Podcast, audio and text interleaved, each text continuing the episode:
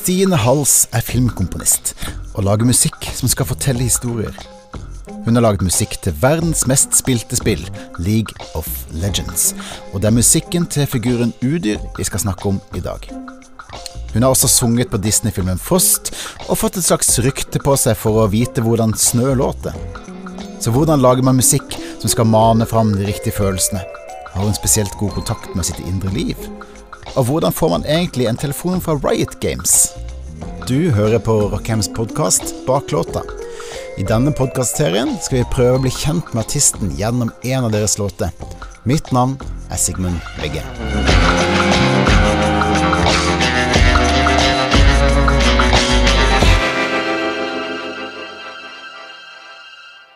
Nei, god dag, god dag, Kristine Hals. Så hyggelig. Ja, hei, hei. Hei. Takk, takk. Vi sitter på din hytte, faktisk. I Ja. Holmestrand. Ja, det er hit jeg går eh, gjerne når eh, jeg skal skrive musikk, for her er det stille og fredelig og ja, fin utsikt. Kjempefin utsikt. Ja. Det er lett å eh, bli inspirert, kanskje. Ja, så nå holder jeg på med meditasjonsmusikk, og det er veldig meditativt. Ja. Og den der utsikten hadde jeg da når jeg skrev deler av musikken til uh, Udyr, da. Du hadde det? Ja, Så du har gjort mye her. Vi er på riktig sted, for å si det sånn. For å snakke om dette. det. Ja. Jeg har lyst til å begynne litt å snakke litt om deg, liksom, om din eh, oppvekst og eh, eller vei inn i musikk. Så ja, kan vi ikke bare begynne, da? Hvor, hvor var det liksom du begynte med musikk? Ja, hva skal jeg si? Eh, Jeg husker jo sånn Altså, jeg sang på minitrall som barn. Da hadde jeg mest vondt i hodet og syntes det var fælt. men men eh, gøy var det jo. Også Og så når jeg var rundt tolv år, så kom jo filmen The Bodyguard ut. Og jeg drev og sang til Whitney Houston og tenkte liksom at ja, men alle kan vel synge. Så det var liksom ingen big deal. Um, Og noen år senere da var jeg 16, så hørte jeg Tori Amos synge 'Cornflake Girl'.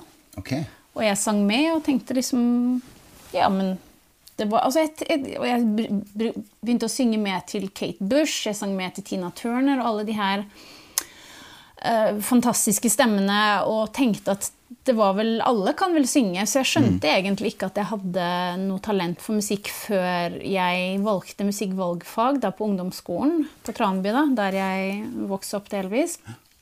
Uh, og så sang jeg husker jeg sa, sang i gymsalen, i et sånn lite rom ved siden av gymsalen. Og så hørte noen av klassekompisene mine det, og så bare 'Å, du har så fin stemme'. Ja. Det var første gangen jeg ble bevisst på at jeg faktisk kunne synge. Ja. Uh, men jeg sang masse, og jeg syntes det var kjempegøy. Uh, og den sommeren så var jeg da i Nord-Norge hos pappa. Og det hadde jeg jo, i mange år hadde jeg jo melka geitene der om sommeren for å tjene penger. Eh, og det hadde en sånn sliten kassettspiller da, hvor jeg spilte masse låter. da. Så blant annet Kate Bush og Whitney Houston, Tina Turner. Alanis Morissette, Amanda Marshall ja, altså alle, Masse ulike stemmer, og jeg sang med. Og jeg hadde jo publikum, da. En haug med geiter som jeg hadde bindt fast. Lokka ned fra fjellet, gitt dem kraftfôr og så bindt dem fast. Så de, De måtte høre på. de måtte høre på, men jeg bestakk dem med mat, i hvert fall. Da, så da Ja. De hadde det så sikkert fint. fælt. Ja, jeg, jeg tror det var greit. Ja. Har du alltid hatt et sånt naturlig forhold til musikk? Det høres ut som du beskriver litt sånn at du liksom Musikk er noe man gjør, liksom. Det er en del av livet. Ja, det, det vil jeg si. Fordi det er for meg da, den beste måten å bare uttrykke hva jeg føler. Eh, Jeg har også vært veldig glad i å male, og det var egentlig det som jeg trodde var talentet mitt. Det er liksom, du kan jo se. Det er lett å se at noen er flink til å male, men å høre Ja, det kan man jo selvfølgelig høre, men, men det var liksom så, så påtagelig. Så jeg, jeg tegn- tegna helt fra jeg var barn, og jeg hadde jo også valgt kunstvalgfag da jeg gikk på ungdomsskolen. Men det var veterinær jeg skulle bli. Ja, så, så jeg husker da når jeg var ferdig på videregående, jeg hadde jo valgt allmennfag, hvilket var helt, helt feil for meg, for jeg har aldri vært altså, vært sånn flink i naturfag, men okay. eh, vant med å slite og jobbe hardt for ting, så jeg tenkte at det, det klarer jeg sikkert. Men når jeg var ferdig på videregående, så tenkte jeg at jeg ville studere kunst ett år. Det gjorde jeg på NR Granum. Og vi tok en uh, kunstreise da, til Stockholm. Uh, forelska meg i byen, forelska meg i en kjekk kar der borte. kom tilbake et år senere for å søke utdanning, um, og kom ikke inn. Uh, men tenkte at nei, men jeg måtte prøve likevel. Så jeg søkte en sangutdanning, og ett år senere eh, da hadde jeg bodd der et år og så prøvd å lære meg For jeg kunne ingenting om musikk. Absolutt ingenting. Jeg hadde med meg en, jeg husker jeg hadde med meg datamaskinen min, en PC på ca. 30 kg i kofferten min, og så litt klær da når jeg flytta til Stockholm. Mm. Uh, så begynte å skrive musikk i et program som het Reason. Uh, som, hvor det ikke engang fantes et, er, det sekvenser det heter? Når man mm. kan spille inn sin egen stemme. Da, hvis, ja, okay, altså ja. audio, mm. eller altså tracks. Ja. Her var det bare rett og slett Du skrev musikk, du hadde en tidslinje, men det fantes ingen audiomulighet da. Maskin, liksom. Ja. Mm. Så jeg sampla inn stemmen min uh, via NNXT-sampleren som var i Reason. Wow. Så når jeg da et år senere skulle søke en ny sangutdanning, så dukka jeg opp der, og så så jeg at de hadde en musikkproduksjonsutdanning også. Så tenkte ja. jeg nå skal jeg i hvert fall ha en sjanse til, sånn at jeg ikke, mm. hvis jeg ikke kommer inn på sang, så kanskje jeg kommer inn på musikkproduksjon. Mm. Så jeg gikk inn og viste de tre makkverkene Nei, nei, jeg hadde lagd noen låter, da. Uh, og, men jeg tror at jeg kom inn nettopp fordi at uh, lærerne sa det. At det var løsningsorientert og kreativ. Ja. Musikken min var ganske uvanlig, og jeg, jeg, tror ikke engang jeg skjønte forskjell på én eller fire eller fem takter. For jeg, mm. takter, hva er det, liksom? Så jeg mm. bare skrev musikk som jeg hørte i hodet mitt. Og produserte og sampla min egen stemme. Og, så det var jo Ja veien var kanskje ganske kort til kunsten musikk, holdt jeg på å si. For det var såpass fritt, da. Jeg tenkte liksom ikke, jeg bare skapte. Så det, der kan du si at musikken fløyt naturlig ut av meg. Hele livet mitt har egentlig vært en sånn der eh, chain reaction, hvilket jo sikkert er for de aller fleste. Uh, men ja, sånn at jeg har fortsatt ikke kommet inn på veterinærstudiet. fordi, fordi, at jeg endte opp i Stockholm der, og den ene tingen tok den andre, og så plutselig så satt jeg der med en mastergrad og ble sendt til USA. Men musikkproduksjon, har du, har du ditt hjerte der, liksom? Syns du det er stas, eller er det en, et nødvendig onde? Både òg, egentlig. Fordi at uh, Hva skal jeg si? Altså, jeg, jeg, bestemte meg for å studere musikkproduksjon fordi at jeg absolutt ville ha full kontroll. Uh, jeg hadde ikke lyst til å bare ja, For det første må jeg jo si som kvinne så er det veldig lett at folk tror at ah, nei, hun, hun, bare kom inn, sang litt og svinsa rundt i studiet, og så stakk hun. Og mm. så er det en mann som har sittet bak spaken og gjort alt det ja. tunge arbeidet. Det vil ikke jeg ha på meg. Mm. Så jeg tenkte at nei, men da får jeg bare lære meg alt. Og så ble jeg jo veldig inspirert av Bjørk, som ja. jo har vært veldig Altså et ikon. Hun har jo gjort veldig mye eh, spesiell musikk, og blant annet sampla naturlyder og lagd ja. egne sound, og hun har jo fingeren med i alt, kan man si. Omfavna teknologien. Mm. Det har hun gjort, så hun var en veldig stor inspirasjonskilde. Altså, for, jeg, for, jeg, føler at Hvis jeg ikke hadde kunnet alt det tekniske som jeg kan, så hadde jeg jo ikke visst hva jeg kan få til å gjøre. Mm. Og jeg hadde ikke kunnet nå, altså Alle vil vel prøve å anse seg selv som nyskapende. Eh, og kanskje jeg ikke er det, men jeg prøver å være det. Og mm. jeg prøver hele tiden å tenke ut nye måter å gjøre musikk og skape nye sound. Og mm. uten teknologien så hadde jeg nok ikke um, klart det. Mm. Uh, så det er jo så jeg, det er et nødvendig onde i den forstand at det, det, er, det åpner så mange dører, og så mange muligheter. Ja. Samtidig så må jeg si at det er veldig mye som jeg ikke liker ved det. Da. Det dukker ofte opp sånne idiotiske problemer. Eh, det er mm. liksom baksiden med det. At mm. det er eh, alt det tekniske når det ikke funker. Mm. Um, ja. Men du ja. begynte altså ganske tidlig med data og musikk. Altså, du, du, det er det som var metodikken din? da? Ja. Mm. Jeg mener jeg fikk Reason i 98-99, noe sånt, tror jeg. Du har snakka litt om Whitney Houston og Bjørk og litt sånne ting som du hørte på da. Men har du en låt som liksom du føler på en måte kan si litt om, om bakgrunnen din? da, Hvordan du ble interessert i, i filmmusikk? Eller, eller interessert i musikk i det hele tatt, kanskje? da?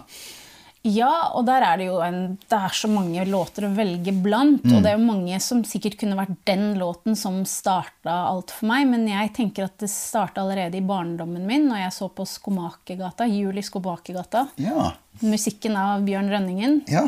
Fordi den liksom, den beskrev så vakkert. altså Når du hører den musikken ja. altså det, Jeg tror ikke det er en eneste i Norge som, som, ikke har, som ikke har sett det programmet, som ikke føler Altså som ikke kan se for seg hvordan snøen laver lett ned.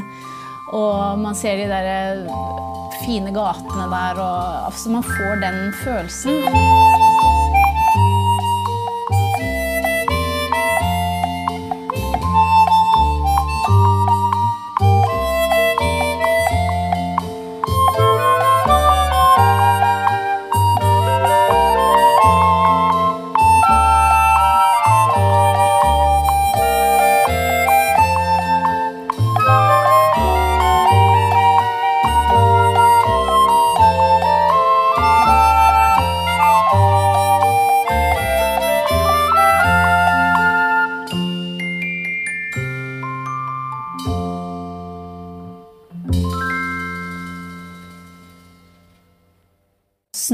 Alltid vært veldig viktig for meg. Vokste opp på Tranby utenfor Drammen, som jo er en liten høyde, hvor det kom tidlig snø. Og jeg var født i februar, og jeg tror det var veldig mye snø det året jeg var født. Sånn at snø har vært viktig for meg. bare sånn det er, jo så, er jo så fysisk. eller det er jo der, Du ser det, det er hvitt overalt, og det er fint. Og det er veldig rogivende å sitte og kikke ut av vinduet på snøen som flyter lett der ute. Og kan man sitte inn og kose seg. Altså, det er masse fine minner der. Um, så jeg tror det var sommeren 2003 som jeg skrev en av mine første låter, som heter 'Snø'. Uh, og jeg satt jo der da i Reason, og så tror jeg jeg brukte Rhodes, instrumentet Rhodes. Og det høres liksom, særlig oppe i det høyere registeret, så høres mm. sånn plink, plink, plink. plink. Ja. Litt sånn Ja. Eh, ja, og da, da hørte jeg at det her er jo snø, og det var jo veldig inspirert da av Jul i Skomakergata. Så det var jo en av mine absolutt første låter. Um, og den husker jeg, og da kan du jo si at det, det er ikke så lett å bare skrive ut midi, og så har du fine noter. For det prøvde jeg å gjøre, og skulle få noen til å spille det. Og du skulle sett han stakkaren, han skulle spille vibrafon, eh, og han skulle spille det, og det var jo totalt kaos. Ja. Det var jo bare For det du har gjort da, det- du, du har spilt noe på et keyboard, og så har du Ja, ja. bedt maskinen å gjøre det om til note. Ja, ja, og det her var jo uten klikk eller noe som helst, for det, det hadde jo ikke jeg skjønt den gangen. Sånn at jeg kom inn på musikk- og medieproduksjon på Musikkhøgskolen i 2005. Og i 2007 så skulle vi lære oss å dirigere, og jeg kunne jo fortsatt ikke noter så veldig godt, kan du si.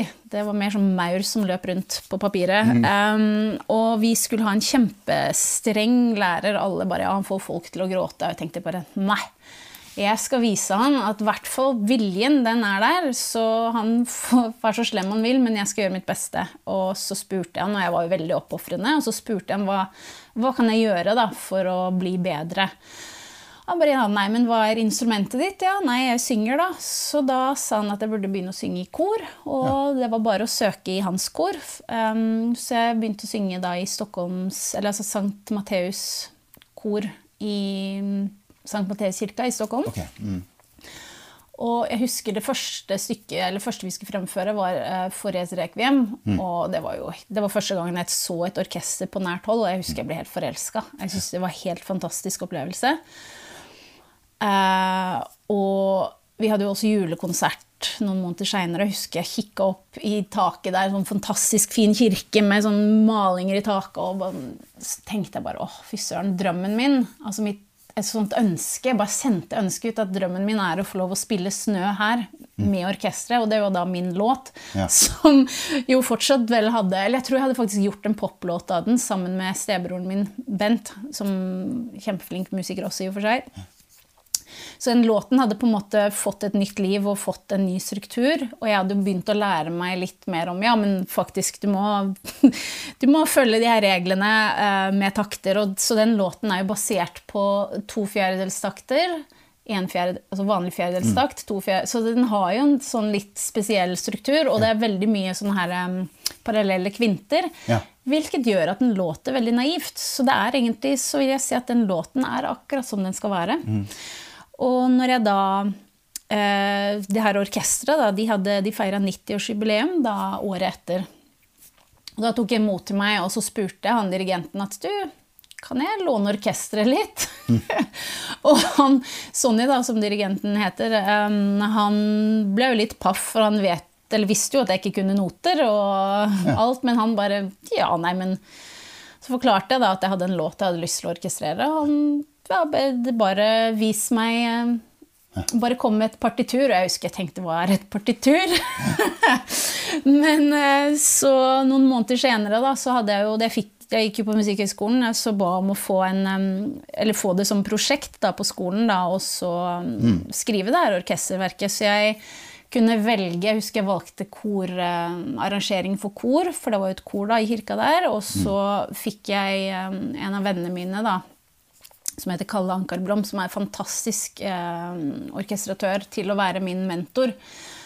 Så, så, jeg gikk til han da og fikk og det, så, det, så, jeg husker jeg var der, og han bare ja, begynte å prate om harmisar, da, som det heter på svensk. Altså ja, rett og slett akkorder. Um, og jeg husker jeg spurte Harmisar hva er det og han begynte å le. For han ble bare, ok, Og hun skal jeg lære å orkestrere. Ja. så det har jo altså, Ja, hva skal jeg si? Jeg kasta meg jo virkelig ut på dypt vann for å lære meg å svømme. Ja, for det høres jo sånn ut, da. Det er ikke alle som spør om man kan låne til orkester. sånn Nei, uten videre. Det er Men ikke er du litt sånn uredd type? Ja, ja, det kan du trygt si. Og jeg ja. føler jo at det er grunnen til at jeg har kommet dit jeg har kommet. Fordi at jeg mm. kaster meg ut i ting. Uh, og så er jeg jo veldig ærgjerrig også. Jeg tåler ikke å ikke klare ting. Altså jeg, okay. Så jeg tror nok ikke jeg hadde kasta meg ut i ting uten å ha en følelse av at det kommer til å gå bra. Ja. Så det er vel litt der. Man må gjerne være litt overmodig, men man må også sørge for at man leverer. For, ja. Ja, så jeg jobba, jeg jobba, jo helt fra det var januar de hadde den, det jubileet. Så jeg satt jo i hvert fall i seks måneder og skrev på det orkesterverket. Ja, okay. Og så det ble vel en tre minutter fire minutter lang låt. Ja. Uh, og det gikk veldig bra, faktisk. Ja. Den låten ble fremført på åtte konserter til sammen. Mm.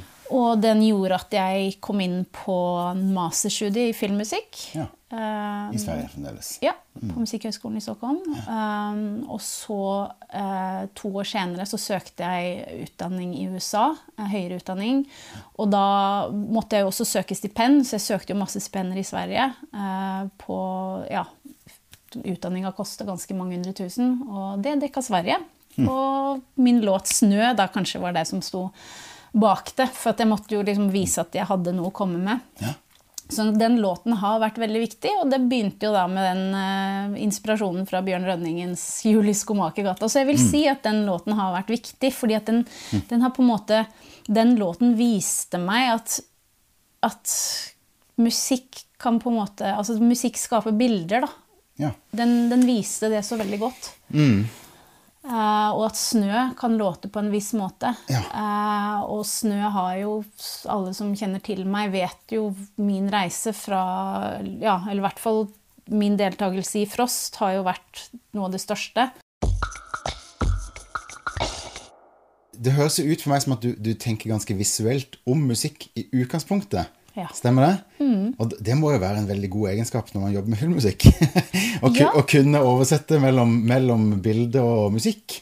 Ja, jeg tror jo at det er um, ganske avgjørende. Uh, og, og, det morsomme her er jo at jeg oppdaga jo ikke filmmusikk før jeg skulle skrive eller orkestrere snøen, nei, snøen, orkestrere snø. Mm. Um, så, for da satte jeg meg ned og hørte på musikk av uh, Harry Gregson Williams for Narnia. Ja. Uh, og så hørte jeg på James Newton Howards musikk for Lady in the Water. Okay.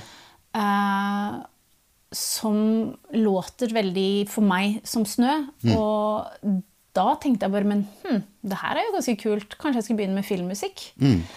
Fordi så, så, det var egentlig jeg, jeg, skjønte jo ikke egentlig hvilken verden film altså jeg, Sånn som folk flest tror jeg er. Mm. At man tenker ikke på filmmusikken. Og det er jo hva de sier også et bra tegn for musikken, er om du ikke tenker på den. For mm. det er jo filmen skal jo være en helhet. Mm. Um, så jeg var jo en av de som egentlig elska filmmusikk uten å skjønne det. Jeg hadde hørt på masse musikk av um, ja, men Ennio Morricone, klassisk, ikke sant? masse fin musikk han har skrevet. Mm. Uh, Jerry Goldsmith også. Jeg husker musikk av han også som jeg liksom likte veldig godt, uten å tenke på at det faktisk kom fra en film. Mm. Så det igjen enda et tegn på at låten min 'Snø' har vært veldig avgjørende for meg. Fordi det var da jeg oppdaga filmens verden, da, rett og slett. Hvis du ser litt tilbake igjen, eh, hvis du tenker deg sjøl som 16-åring, mm. Og har du hørt den, denne låta her, da? League of Legends. Hadde du likt det? Jeg håper det. Ja. Eh, jeg tror jo altså, Det jeg tror, er at kanskje Ja, jeg tror jo at jeg hadde likt det, fordi det er en essens av meg i den. Som er, og min musikk er jo inspirert av alt jeg har hørt gjennom livet mitt. Så kanskje jeg ikke hadde vært klar for å høre den da. Eh, samtidig så føler jeg at all den musikken jeg hørte på da, liker jeg jo fortsatt. Og den har jo forma meg til å bli den jeg er. Eh, og så føler jeg at all den musikken jeg har hørt på, er på en måte med på altså, Igjen, musikken er jo en evig reise. Man utvikler seg alltid. Um, men ja, jeg tror egentlig at jeg hadde likt den, ja. Jeg tror du, har- du har liksom ikke tatt et sånt Du har ikke hatt et sånt brudd i ditt liv bare Nei, det her raske her har jeg ikke lyst til å ha noe med å gjøre. Nå skal jeg gå denne veien, liksom. Du har, du har på en måte hele tida bygd lagt stein på stein, liksom. Det føler jeg veldig. Eh, samtidig så må jeg jo si at musikk som jeg skrev sånn på 2000-tallet, eh, som jeg var veldig fornøyd med da Jeg kan jo høre nå at jo, men jeg liker den, men jeg kan ikke slippe den nå, for jeg syns ikke at den lever opp Og det er jo naturlig, da. Jeg syns Ja. ikke den lever opp til meg lenger. Ja, Du har løst på en annen måte i dag liksom, enn du gjorde den gangen, kanskje. Ja, helt klart. Så, så det kan jo hende om ti år så tenker jeg bare nei, æsj. Ja. ja, men Det handler kanskje mer om å ut, utvikle et skillset liksom, enn en å, en, en å på en måte ta fullstendig oppgjør med sin egen smak. liksom. Ja, jo, det gjør det nok. Eh, så Men ja, nei, altså og s- Så tenker jeg den musikken jeg nå ikke hører på lenger, er jo musikk som jeg har hørt i stykker, fordi jeg har hørt på den så mye at den For sånn er jeg. Eh, bare hører på musikken Ja. til jeg ikke orker den mer. Ja, ja. Så suger den tom for energi og inspirasjon, kanskje. Jeg vet ikke. Ja. Du, jeg tenkte vi skal høre på eh, League of Legends, uh, Udyr, sammen. Og så skal vi snakke litt om det etterpå.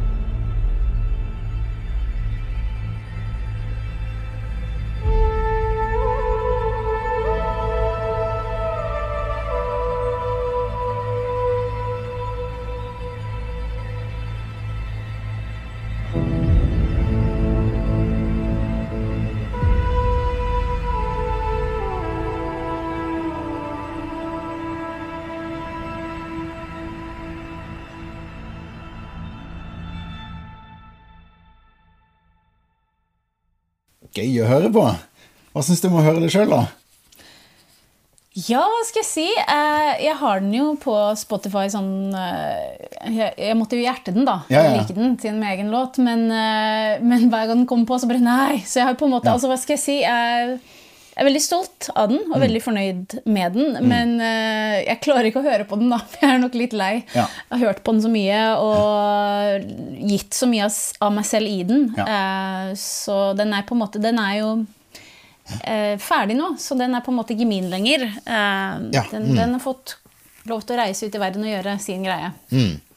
Gøy.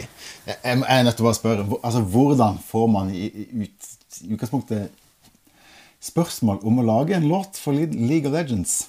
Ja, du, det, det lurte jeg også på, holdt jeg på å si. Eh, det morsomme er jo at jeg tenkte på det. Jeg, jeg møtte, møtte, en haug med musikere da når jeg var på kontordagen. NOPA og Creo lagde en sånn kontordag da, for oss selvstendig næringsdrivende innen kunst. Mm. Og så møtte jeg en haug med musikere, og han ene snakka om instrumentet sitt som er nøkkelharpe, og hvordan mm. det låter som snø, for det var det noen i League of Legends som hadde sagt. Og så tenkte jeg hm, League of Legends ja, de har jo jeg jobba for, tenkte jeg for meg selv. Og så tenkte jeg, begynte jeg liksom å tenke på Og da var det faktisk 7. april var den dagen, så hadde det vært så og så mange år siden at jeg jobba med dem. Og det dukka opp sånn minne på Facebook, så tenkte jeg hm, lurer på hva som skal til for å få lov til å komponere for dem. For jeg hadde jo bare sunget for dem eh, to ganger. Eh, hadde jeg sunget for dem på to av deres karakterer. Mm.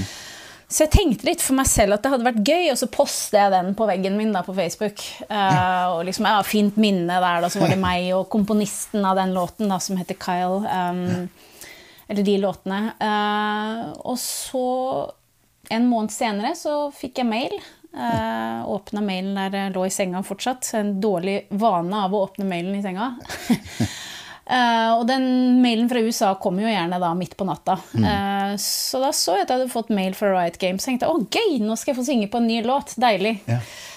Så bare nei, det var det ikke. De ville at jeg skulle skrive en ja. låt. Og jeg tenkte bare shit, det gikk fort. Du vet, Man sender ut et ønske, og så plutselig altså, så, ja, Jeg vet ikke om det, om det, var sånn at Kyle tilfeldigvis hadde sett at jeg posta den på veggen på Facebook, mm. eller, eller, om det var sånn at plutselig så kan man sende ut et ønske i universet og få det besvart med en gang. Ja. Jeg vet faktisk ikke helt hvordan det skjedde. Mm. Men jeg husker jeg tenkte for meg selv at det, det, skal mye til. De har jo en stall med komponister. Nå mm. er du i Norge. Mm. Og de anser deg sikkert bare som sangerinne, da, siden ja. okay. så, så, jeg trodde virkelig ikke at det var noe som kunne skje. Um, men det beviser jo bare at alt er egentlig mulig, så man skal mm. tørre å ha de drømmene. For det som du kanskje har fått inntrykk av mm. mm. Når jeg snakker med deg nå, så er jeg en person som gjerne kan gå og ta for meg og godt kunne Men der så tror jeg ikke engang jeg hadde turt å spørre, eller tenkt at det er noen vits å spørre, for jeg trodde ikke at Sånn at det var veldig deilig å slippe å være den som maser, men faktisk være den som blir eh, kontakta og mm. spurt. Så, så, det var kjempegøy. Så jeg bare ja, men selvfølgelig vil jeg jo det. Ok, Men hvor, hvor mye får du vite, da? Får du liksom, du, du fikk beskjed, spørsmål om, om, denne karakteren, liksom. Den skal, eh, kan du fortelle oss litt om den informasjonen du fikk? Når du, når du starta? Hva visste du liksom når du begynte, skulle begynne å komponere? Ja, så når vi skulle begynne, Da hadde jeg jo akkurat møtt Colm uh, McInnes, som han, han, satt i Irland. Og så mm. satt uh, Kyle, også vår prosjektleder Sarah, de satt i Santa Monica i LA. Og vi hadde da møte, og så fikk vi vite at ja, det her var jo da en karakter. Fordi de har vel rundt 140 karakterer da i League of Legends som ja. bor i ulike verdener. Og denne karakteren kom fra Frelljord, som jo er vinterverdenen i League of Legends. Mm. Og Frelljord hadde jeg jo vært før, kan man si, da når jeg sang for Orn mm. og for Nunu and Willimp.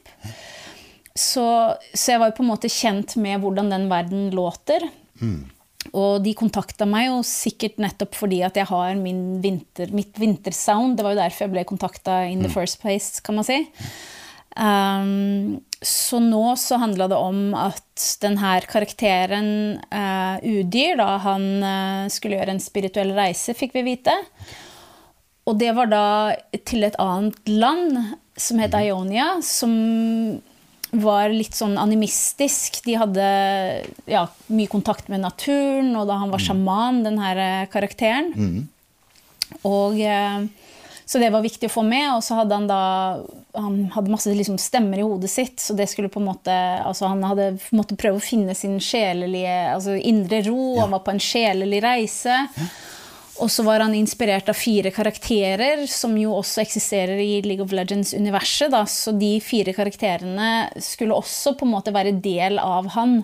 Så vi hadde en stor oppgave vil jeg si, med å fange alle de karakterene og likevel få det til å bli en helhet, som da var udyr. da. Og, men, men det er liksom noen tenker jo at det er godt å bare få lov å ha helt frie tøyler, men det gjør jo ting vanskeligere, fordi man må ha rammer, og det er det jeg liker med eh, å ha en oppdragsgiver, da, eller et bestemt formål.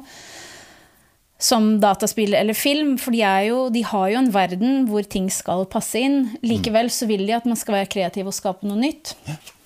Så, så vi fikk jo de rammene da at eh, ja, låten skal bli rundt tre minutter lang. Ja.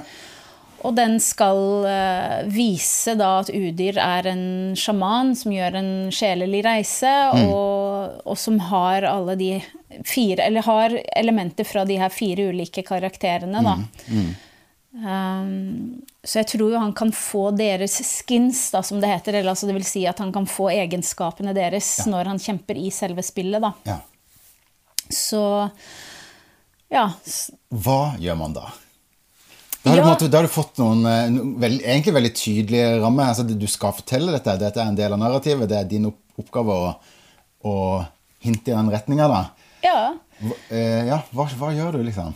Ja, nei, altså Det letteste, vil jeg si, var jo å tenke ut hvordan det låter snø og is. Ja, For den verden, det litt, eh, det har jeg jo i meg allerede. Så Ja. da var det jo, tenker jeg, ja, men flasjoletter. Men for å gjøre noe nytt der, da, Og Flasjoletter, det er altså når man stryker uten å helt Ja, det er harmonics, eller liksom. overtoner, da, kan Ja, man si. Og, mm. eh, ja. Og det har jeg jo gjort før med vanlige strykere, men nå Mm. tenkte jeg at det hadde vært gøy å prøvd eh, eh, hardingfele. Mhm. For jeg hadde flak den flaksen da, at jeg var på en 17. mai-fest Mm. eh, hvor det var to hardingfelemusikere som spilte så fint. Og de, de, de vil jeg jobbe med. Ja. Så da hadde jeg jo hatt møte med de allerede og hørt litt hvordan deres instrumenter låter, og hvordan de kan spille, og hva slags effekter de kan få til. Og, så det ble jo da snø- og isverdenen. Ok, ja. Så flasjolettene de, de er luftige og liksom kalde, liksom står litt stille i lufta, på en måte. Mm. Og, det, og hardingfellene, de, de, de gjorde samme, liksom, samme type greier. Ja, Samtidig som jeg føler at de hadde en egen, et eget sound, vil jeg si. Det er kanskje ikke alle hører, men, men det er jo det som er poenget. At, at Eller det er det som er morsomt med å prøve noe nytt. eh, samtidig som det er gjenkjennbart, men at det er likevel noe nytt. Og man kanskje hører det ikke, men man merker det da, innbiller jeg meg. Ja, ikke sant? At det bare, ja, du vet ikke helt hva det er for noe, men det låter bare litt annerledes. Liksom. Ja. Mm.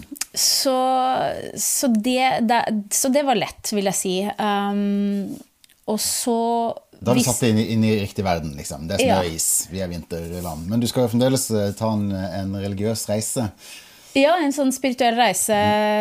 Um, og da Jo, og, og det var en av de tingene. Vi måtte ha litt grann fra det landet han hadde dratt til, eller den verdenen. Ja. eh, Ionia, og da mente de at han hadde vært trent Eller de sa det at han var trent i sånn østlig filosofi, da, sånn at vi måtte prøve å få litt sånn japanske Så vi fikk beskjed om å bruke litt sånn japanskinspirerte eller japanske instrumenter. Ja. Og, og em, hva den heter, Hirayoshi tror jeg skal si feil nå. Hirayoshi-skalaen. Ja. Uh, så jeg lagde noen fløytemelodier med det, men det tror jeg faktisk ikke ble brukt. Um, så det, så, som i hvert fall vi, Og så brukte vi hang drum, tror jeg det er. Um, det er sånn tromme med melodier, da. Ja. Så det er inni der.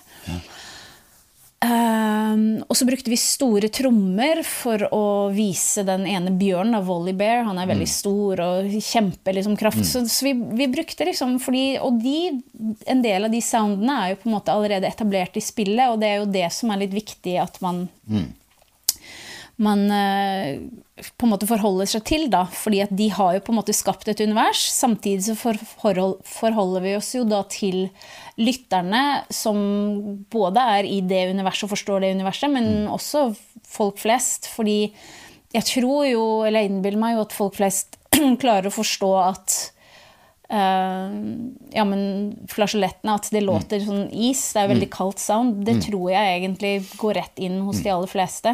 Så veldig, my veldig mye foreløpig handler om å spille på de konnotasjonene som du mener folk der ute har, ikke sant? Ja. ja. Mm. Veldig mye det. Uh, så det er jo litt det som er jobben min som filmkomponist, er jo å finne de uh, tingene som, som, jeg vet, eller innbiller meg at folk forstår og klarer å ta til seg. Mm. Samtidig som man kanskje kommer inn med noen nye elementer òg, da. Mm. Så um, vi blanda inn litt Vi hadde ganske mange spennende instrumenter. Mm. Uh, og tilbake til kontordagen, da, så gikk jeg rundt der i lokalet, og så så jeg en fyr som jeg var sikker på at jeg kjente. Ja. Så det føles som sånn synkronisitet, at det var et ment møte, da. Ja. Men jeg gikk i hvert fall bort og introduserte meg og spurte om ikke jeg kjente han. Og, mm. og han bare nei, trodde han ikke. Um, jeg var så sikker på at det var en fyr som jeg hadde blitt kjent med på filmfestival i Berlin, da, som hadde kjørt en rallybil fra Dakar til uh, Mongolia. Ja. Koselig venn du har. Ja. ja nei, det, så, men han nekta, det var ikke han. Men det viste seg at han uh, spilte veldig mange spennende instrumenter da, i uh, det her vikingbandet Vardruna. Så Stopp, ja. Jon Stenersen heter han. Så det var, det var, så, så det var bare sånn at her går jeg rett inn i en gullgruve, og ikke bare sto han der, men uh, en som uh, Nå husker jeg ikke hva bandet hans het, men Kenneth Lien. Han spilte tilfeldigvis da seljefløyte og en hel haug med andre spennende instrumenter. Eller altså mm. fløyteinstrumenter og lyre av noe slag. Kravik-lyre. Ulike sånne her ja, nagelharpe Jeg husker ikke alt. Han hadde bare en haug med instrumenter. Så det var sånn her, ok, det her er en gullgruve. Og i tillegg så sto han, kom Jogeir, da, som spiller bukkehorn på låten. Så, ja. så, alle de der traff jeg eh, en og samme kveld. Og så en måned senere så traff jeg jo da de her hardingfele-musikerne. Eh, og Jogeir spiller jo også da charango, og det er jo ganske utippa. Jeg vet ikke om man Oi, sier det på ja. norsk, men ganske Ja. Så, så, det er jo med doble strenger, så det er vel sånn eget sound der også. Kan du beskrive liksom hvordan det låter på noen slags måte? Du ah, Hvordan skal jeg si det? Altså, vi skulle jo egentlig bruke dulcimer, ja. som også er et strengeinstrument, men som man slår på. Mm. Um, men vi blanda da charango med nøkkelharpa, spilte samme melodi som går sånn na, na, na, na, na, na, na. Så det er veldig enkelt, da. Mm. Um, så vi blanda inn den charangoen rett og slett bare for å lage et eget sound, rett og slett. Um, så det var veldig gøy å prøve inn det. Mm. Um, mm. Så, det, så, ja, så vi kan jo si Og, og, og det stopper ikke der, holdt jeg på å si. Vi brukte jo også da han Kenneth Lien sine spennende fløyter fra Bulgaria. Ja. Så Kaval var den ene, og Dvojanka var den andre. Okay. I tillegg til da norsk seljefløyte. Um, og munnharpe spilte han også, men det, det følte jo da oppdragsgiverne våre mm. at det ble for um, Det ble too much, liksom? Det ble litt for hillbilly for dem, da. Fordi i okay, USA ja. så er det Mens vi i Norge har jo, vi har jo sett Flåklypa, eller hva, hvor ja. nå er, de ja. bruker munnharpe, og tenker at ja, men det er sånn urnorsk sound. Mm. Men, så det, det, er, det, er, litt fascinerende å tenke på at nei, der så de det var liksom hillbilly sound, tror jeg de hadde en sånn følelse av. Um, og så har vi jobba mye med pusting, uh, hvilket jo folk uten at vi planla det, eller i hvert fall jeg tenkte ikke på det, men de som vet om han der um, Nå husker jeg ikke om hva det var han het. Wim Hoff forsvarte. Okay. Ja, ok. Så det er eh, en um, den her pussinga som vi har, er eh, Det er ikke sånn at vi nødvendigvis hadde planlagt det. Nei. Men når låten ble sluppet, så, eh, så, kunne vi lese da, Det er veldig morsomt å lese i kommentarfeltet hva folk sier om låten. Mm. Og det var noen som bare 'Å, vi digger at uh, de har uh, tatt med Wim Hof-metoden inni her', og ja. så er det en pustemetode så, som ja. han har ja. når han mediterer. Eh, så det var ikke planlagt, men pusten er jo en viktig del av meditasjon. Men, men, eh, men du har jobba med dette her en stund før du kommer hit, liksom, at dere, at dere sitter i studio og spiller inn med musikere? Eller er det ganske kjapt inn i den prosessen? Så låten, Det gikk veldig fort å skrive låten, fordi vi ja. hadde en deadline. Eh, mm. Alt skulle være ferdig til august. Melodien, liksom. Ja. ja. Og vi begynte i midten av juni. Mm. Eh, men melodien kom veldig fort. Eh, bare på første forsøk. Så, og det er jo det jeg snakka om litt tidligere, at det er, da vet du at du har en bra melodi når den funker med en gang. Ja. Og der var alle enige, så det, den ble brukt. Mm. Og den tonearten ble brukt for at det skulle passe til uh, mm. uh, hardingfelene og, og mm. ja, uh, nøkkelharpe. Mm.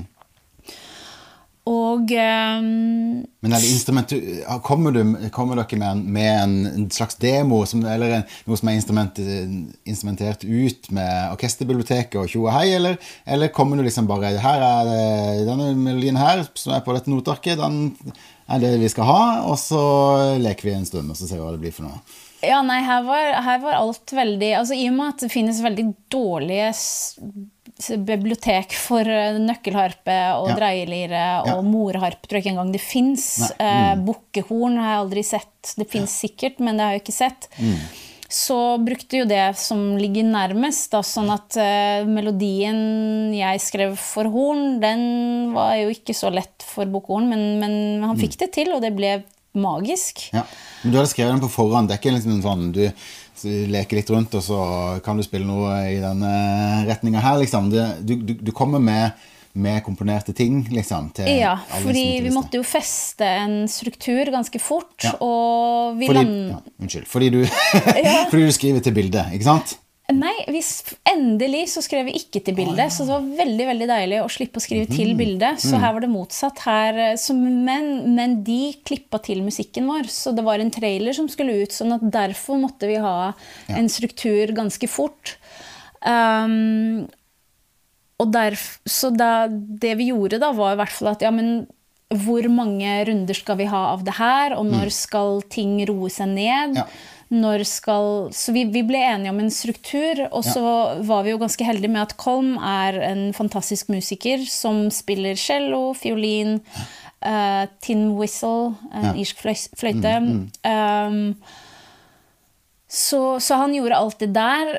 Uh, hvilket gjorde at ting med en gang fikk liv. Da. Mm. Så, så, vi solgte jo inn låten ganske fort på det. Der føler jeg at vi hadde en fordel. Um, så vi fikk en struktur ganske fort, og så måtte vi jo bestemme hvor mange runder av eh, refreng, eller altså den herre ja. slutten, skulle vi ha. Og eh, ja. Og så endelig var det jo veldig deilig å få lov til å jobbe med låtstruktur. fordi som filmkomponist så er det da har du kanskje 20 sekunder her, 50 sekunder mm. der. Her hadde vi en hel låt hvor mm. man også faktisk er nødt til å tenke på struktur og det gylne snitt. At mm så, jeg, så det, det, var jo i hvert fall jeg veldig fokusert på at ja, men vi må prøve å få eh, klimakset til å lande på det gylne snittet, som var etter ca. to, to minutter. Ja, mm. Det, for det er egentlig ganske mye her som minner om en poplåt. Altså, det er, ja, jo, det er jo en, en, melodi som kunne vært brukt til det. Mm. Og det er jo faktisk Trommebiten også er jo en to-fire altså Det er jo en backbeat-bit. altså en Eh, men den er for andre typer trommeinstrumenter, liksom. Men, mm. men det, er, det, er, jo veldig mye Og også strukturen på det. Det er tre minutter. Altså det er liksom mye her som, som har med popmusikk å gjøre. Ja. Men den derre enorme maksimalismen, på en måte, og alt det man kan få lov til å boltre seg i, da, det er jo litt fremmed, liksom, i popverden, kanskje. Ja. Men Er det litt av liksom, friheten i filmmusikk at man kan få lov til å dra på noe så inn i granskauen? Liksom? Jepp, og det er det jeg elsker med det. Ja. Eh, jeg husker jo da når jeg studerte på Musikkhøgskolen, at, at, folk bare Ja, men eh, du, du, må velge en sjanger, og du kan ikke holde på med alt mulig rart, og du må ja. Jeg husker jeg tenker jeg syntes det var så trist. Ja. Uh, jeg husker jeg ble veldig inspirert av en svensk artist som het Lale. For hun, hun drev mm. litt og hoppa mellom mm. Blanda litt fra sitt eget opphav og gjorde Hun tok seg friheter. Og tenkte jeg, hvorfor skal ikke jeg kunne gjøre det? Uh, og det var jo da jeg oppdaga filmmusikk, hvor du har alle muligheter i verden, egentlig. Fordi at hver film har et eget univers. Mm.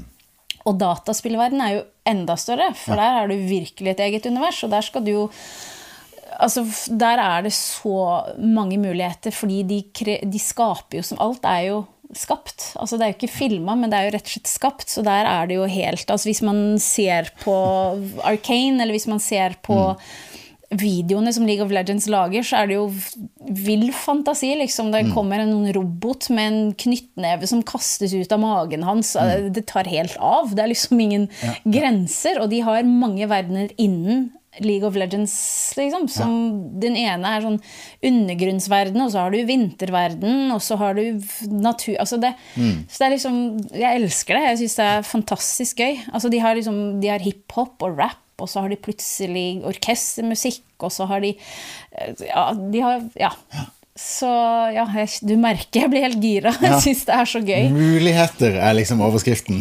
ja. Mm. Eh, og likevel da, så er det jo igjen Det er godt med de rammene som gjør at For det er veldig Det dreper litt Eller det, det, det blir for mye da hvis du har alle mulighetene, men du har likevel Ja, du har lov til å gi på skikkelig. Mm. Hvordan identifiserer du noe som en, som en, idé som du kan bygge videre på? Når du bare sitter og jobber liksom, med løse ideer. Hva er det som gjør at du på en måte Det der. Og ikke det, liksom. Ja, nei, altså det, det, det, det bare kjenner det. Uh, om det er bra eller ikke. Og jeg kan ikke helt forklare det, men, men en god melodi, den kommer, kommer, av seg selv veldig fort. Ja aldri, altså jeg har aldri opplevd at en bra melodi er noe jeg sitter og filer på lenge og liksom prøver å tenke meg fram til. Det, mm. Den beste melodien er mm.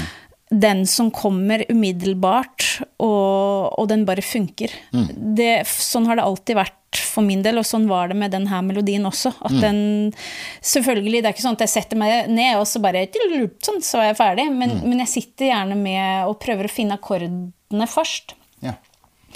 Uh, og så spiller jeg de inn, sånn at jeg har en, en, rekkefølge. Så jeg prøver meg fram, finner akkorder som jeg liker, og noen ganger så spiller jeg det inn, og så kommer melodien opp på det. Så, for jeg er jo ingen, jeg er ingen bra pianist, men mange ganger så har det føltes som at det har vært en fordel, fordi mm. at det, jeg ramler ikke inn Eller jeg ramler Mønstre, sikkert inn liksom. Ja, mm. samtidig som jeg kanskje gjør det, men, men, mange ganger så er det de tonene som jeg ikke planlegger å ta, som gjør at Oi sann, hm, ja. det der var kult. Art by accident. Ja. Mm. Så det, det skjer uh, ofte for min ja. del at det, ja. ja. Men det er litt, litt, kanskje litt det jeg tenker på. Altså, men, men, mens noen kanskje ville tenkt at bare Oi, der spilte jeg bare feil. Så er det noe mm. med at liksom Oi, det der var jo faktisk interessant, liksom. Mm. Eh, men, men, det å være åpen for at liksom for at noe som man ikke hadde planlagt, skal skje? Liksom. Er det en del av prosessen for deg? Ja, det er kjempeviktig. Ja. Eh, det er virkelig viktig at man bare ikke det, det, er ikke lov å ha bedømninger. Uh, mm. Altså, de, de, mener jo det at hjernen går inn i alfabølgelengder da, når du er kreativ. Det er jo samme som når du sover. Ja. Da er du mer i kontakt med intuisjonen din, og da der, Og jeg tror kanskje det var litt på grunn av den prosessen at jeg alltid har slitt litt med å lære dårlig unnskyldning, da kanskje, men eh, slitt litt med å lære meg teori. fordi at jeg føler at teori kan også hindre deg. Men den, den skal jo være der for å på en måte rydde opp i rotet etterpå. Etter at du har ja, Helt enig. Det, handler, det her handler om å, å, å, kunne snakke om ting i etterkant. Liksom, hva som skjedde, eller hvordan skal vi ja. si det til noen andre? Liksom. Ja, mm. altså at du på en måte kan så du, Analyseverktøy. Hva? Et analyseverktøy? Ja, altså jeg vil si det. Og, og musikkteori for meg handler om det, det, skal være hjelpemidler, men det skal ikke være del av skapelsesprosessen. Mm, Der mm. syns jeg at du skal bare slippe taket og være helt fri, og bare la musikken komme av seg selv. Og da er det viktig at du ikke dømmer deg selv, eller sitter der og tenker at 'nå skal jeg skrive verdens beste låt'. Ja. Du, må bare være, du må bare slippe taket. Ja. det tror jeg er den største hemmeligheten, eller den viktigste egenskapen ja. man har. At man ikke prøver for hardt, men at man bare lar det flyte. Uh, og så kan du koble på den analytiske delen av hjernen din når du på en måte har satt strukturen og funnet magien. Du har latt magien flyte ut mm. og komme dit den skal. Og så kan du rydde opp. Så kan du begynne å orkestrere og passe på at det er rett register og, ja, og sånne ting. Mm. Ja. Mm, kult. Ehm, så hvis vi går litt tilbake til League of Legends-greia, da. Så har dere uh, det, det er komponert, det er spilt inn. Uh, men så, så, når vi hører på det nå, så er det jo ganske prosessert, da. Mm. Alt sammen, det er mye uh, nå, nå, kommer vi liksom tilbake til musikkproduksjonsbiten av deg. Har du lyst til å fortelle litt om hvordan du tenker den prosessen? Ja, eh, så her var det Colm som miksa låten. Mm -hmm. Jeg miksa den delen som, som, er i selve spillet, så han miksa den her ja. som, som, ligger ute. Ja. Uh, hvilket jeg syns egentlig er ganske deilig å slippe. For jeg må si, selv om jeg studerte musikkproduksjon i seks år, så syns jeg ikke miks er min Nei. største mm. styrke, faktisk, for mm. å være helt ærlig. Mm. jeg vil for mye, tror jeg. Så um, Ja, ikke sant. Mm. Ja. Men det er jo på en måte altså, eh, klangen og alt Det er ganske mye, sånn, mye klanger sånn, som også underbygger veldig den der vintergreia, tenker jeg. Og det der eh, shimmery eh, Altså Det ligger jo ganske mye i assosiasjoner i liksom soundet. Mm. I tillegg til instrumenteringa, liksom. Ja, ja og, og, det vil jeg også si at når du, enten det er orkestrering eller arrangering, når du skriver en låt, så skal jobben å mikse den etterpå skal jo egentlig være forholdsvis lett, fordi at du du tenker på her skal det gå ned, mm. her skal det gå opp, her skal f.eks. da flasjolettene, eller altså mm. vinterverden, høres godt, fordi mm. at her er vi på det stedet. Mm.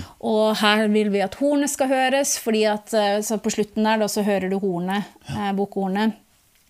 Og da er det liksom Han har på en måte funnet seg selv, og han er der, mm. han er liksom alene i hodet sitt. altså, det er um, Altså, sound, det er eh, jeg, jeg føler at jeg tenker sound fra starten av, men det viktigste for meg er melodien og akkordene. Fordi det, eh, det skaper en, en, verden i seg selv, da. Um, og så lar du de tinga komme når de kommer. Altså, ja. Ta én ting av gangen, på en måte.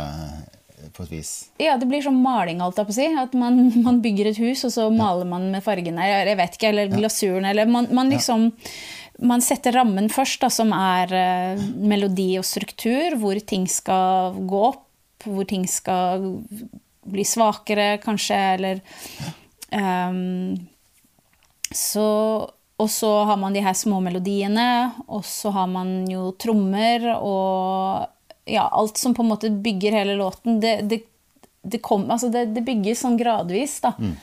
Rundt melodien og strukturen. Eh, og så har vi jo da en tanke om hva soundet skal være, da, som f.eks. Eh, mm. flasjoletter og, mm. og um, trommer og de her ulike fløytene, som, som, jo også var en utfordring i seg selv, da, fordi at de var stemt i ulike tonearter. og mm. Bukkehornet var stemt i g-moll, og mm. låten gikk i a-moll. Så det var, det var, litt sånne utfordringer. Um, Gøy. Um, når jeg hører på dette her, da, så, så, tenker jeg du er jo ikke redd for de store uttrykka i det hele tatt, liksom. Du, jeg vil ta plass! nei, nei, men, eh, men, men, eh, kjenner du deg igjen i det, liksom?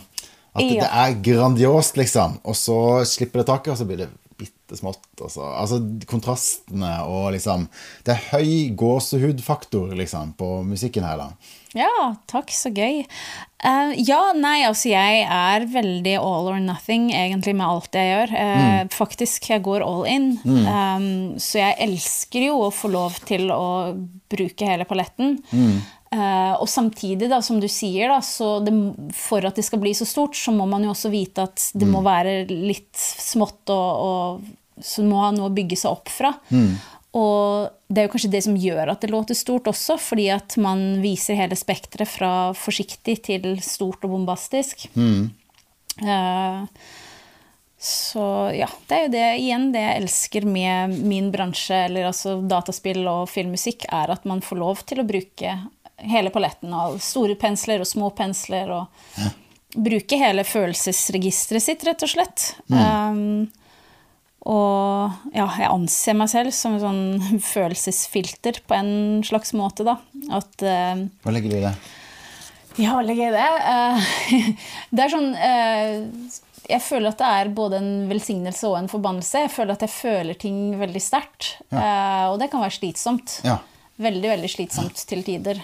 Overtenke mye og alt sånt. Ja. Um, men når jeg er mest lykkelig, det er når jeg enten hører på musikk, Mm. eller når jeg skaper musikk. Eh, kanskje mest når jeg hører på musikk, for da slipper jeg å bruke hjernen. Da kan jeg bare kose meg og nyte.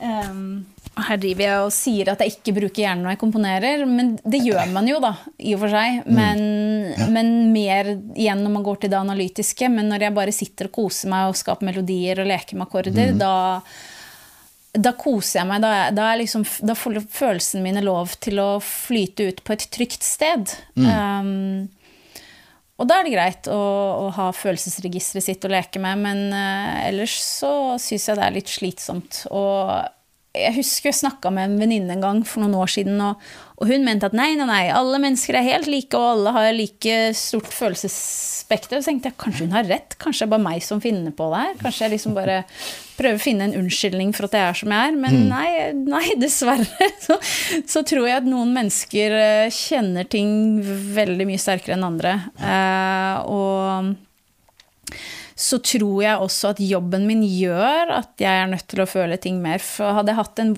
jobb hvor jeg hadde hatt rutiner og trygghet, eh, så hadde bare det i seg selv gjort at jeg kanskje ikke uroer meg for ting, da, for da har man tryggheten.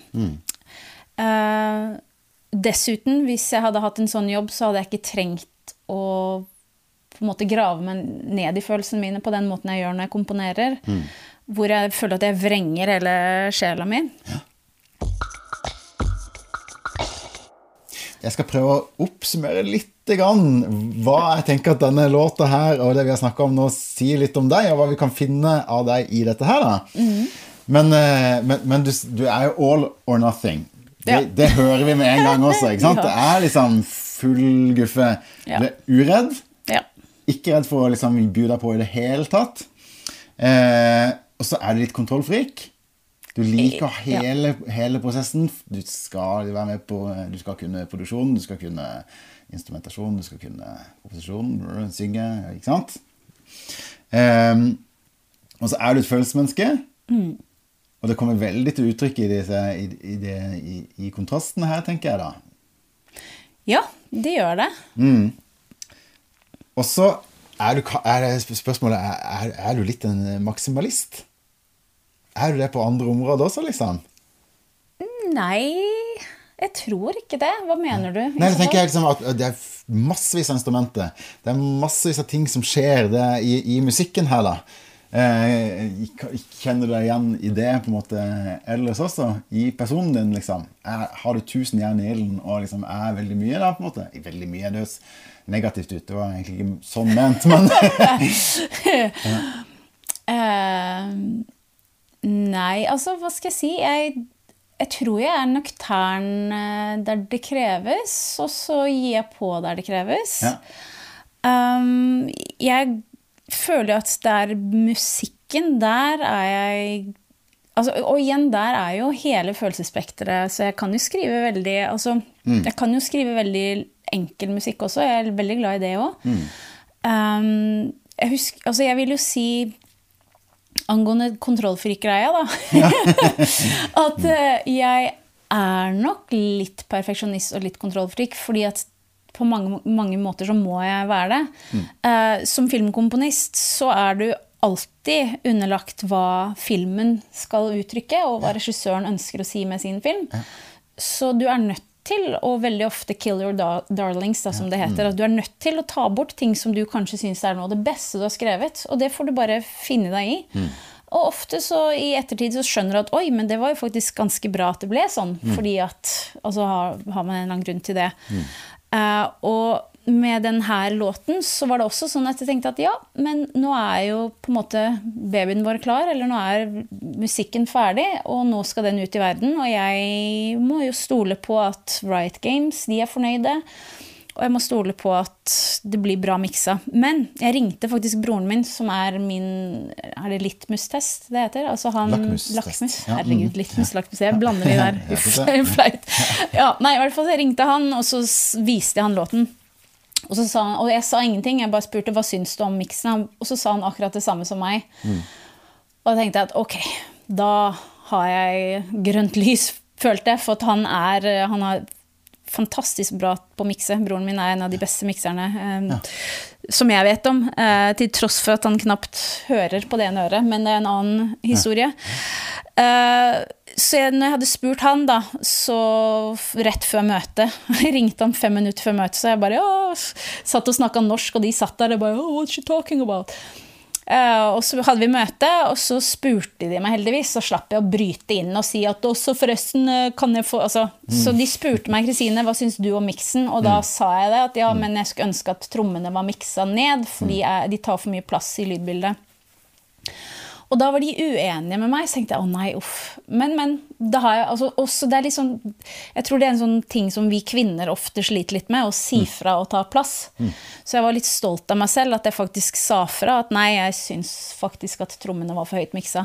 Men dagen etter så kommuniserte de at oi sann, nei, faktisk så har vi hørt på dem en gang til mm. Eh, gjennom andre høyttalere, og vi er faktisk enige at trommene må mikses ned. Så eh, ja, jeg er glad jeg sa fra. Så, så jeg føler at det er en, en, balansegang. Fordi at jeg jobber også på en annen låt i sommer, hvor jeg da Jeg var så overvelda av annet arbeid, så jeg sa ikke fra om en ting som jeg hadde hørt, og de sendte meg mastermix. Mm. Og så var det en sånn pustelyd, og det irriterer meg fortsatt. Og jeg sa fra altfor seint, og da var det for seint å endre det. Ja. Så jeg er veldig takknemlig for den kontrollfriken i meg, og jeg skal aldri overse den igjen, for det blir bare dumt. Kan, det går ikke å angre seg når uh, låten er Nå var den i og for seg mastra, men uansett. Altså det, jeg vil i hvert fall vite at jeg har gitt mitt, at jeg har gjort alt i min makt til at ting skal bli så bra som mulig, og så er vel hemmeligheten å gjøre det på en, en profesjonell og ålreit mm. måte, da. Mm. Og så syns jeg det liksom, er gøy i dette konseptet her med denne podkasten at du mener at det er så mye av deg i denne låta. At du legger igjen så mye av deg sjøl, da. Så det var kjempespennende og artig å høre på det og snakke om League of Legends, udyr. Ja. Takk. Veldig gøy å få være med. Takk for at du fikk komme på hytta di. Ja. takk for at du ville komme. Det er ikke så ofte jeg har besøk her ute i ødemarken. Ja. yes. Nei, men Tusen takk for at eh, vi fikk komme og snakke med deg. Du har hørt en episode av Bak låta, en podkast produsert av Rockheim, det nasjonale museet for populærmusikk. Programleder var Sigmund Vegge. Om du liker det du hører, anbefal oss gjerne videre.